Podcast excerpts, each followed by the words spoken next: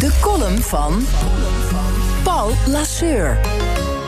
Om de snelle verspreiding van het coronavirus onder de meest kwetsbaren onder ons een halt toe te roepen, voeren de supermarkten vandaag het oudere uurtje weer in. Tussen 7 en 8 uur ochtends mogen alleen bejaarden en andere kwetsbare groepen hun boodschappen doen. De winkels gaan speciaal een uur eerder open voor 70-plussers of mensen die jonger zijn, maar bijvoorbeeld met hart- of longproblemen kampen.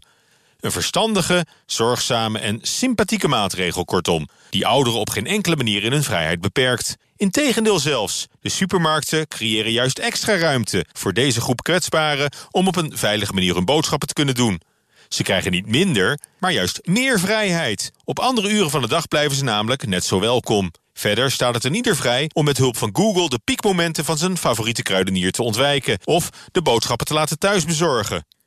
Toch is er felle kritiek op het oudere uurtje. Niet van de supermarkten, die toch hun personeel een uur extra moeten doorbetalen. Ook niet van jongeren, voor wie dit bijzondere privilege niet is weggelegd. Nee, de ouderen zelf maken bezwaar tegen de maatregel. Die bedoelt dus om hun leven waar mogelijk een beetje makkelijker te maken... in deze onzekere en verwarrende tijd. Maar de ouderenbond ANBO vindt het uurtje voor ouderen in de supermarkt een slecht idee. Want stigmatiserend.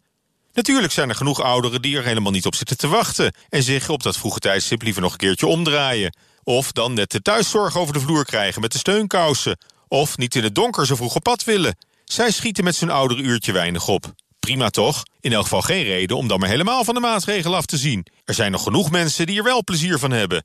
En als dit een vorm van oudere discriminatie is... dan toch zeker positieve discriminatie... Het virus discrimineert ook en heeft het vooral voorzien op juist deze kwetsbare bevolkingsgroep.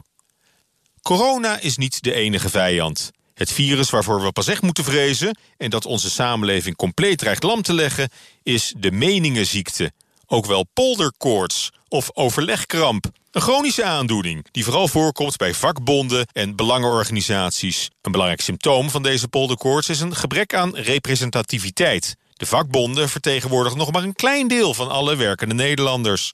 En de AMBO spreekt namens lang niet alle ouderen. Wanneer ze hun mening ergens over geven, zijn ze altijd tegen, zodat er iets te onderhandelen valt. Terwijl je als bond een dure plicht hebt om de achterban te motiveren in plaats van op te hitsen. Perspectief bieden in plaats van ontevredenheid aanwakkeren. Gemeenschappelijk belang boven het eigen belang kunnen plaatsen, helemaal in een crisissituatie. De solidariteit tussen generaties helpen bevorderen in plaats van ondermijnen. De kloof niet groter, maar kleiner te maken. Prettige maandag.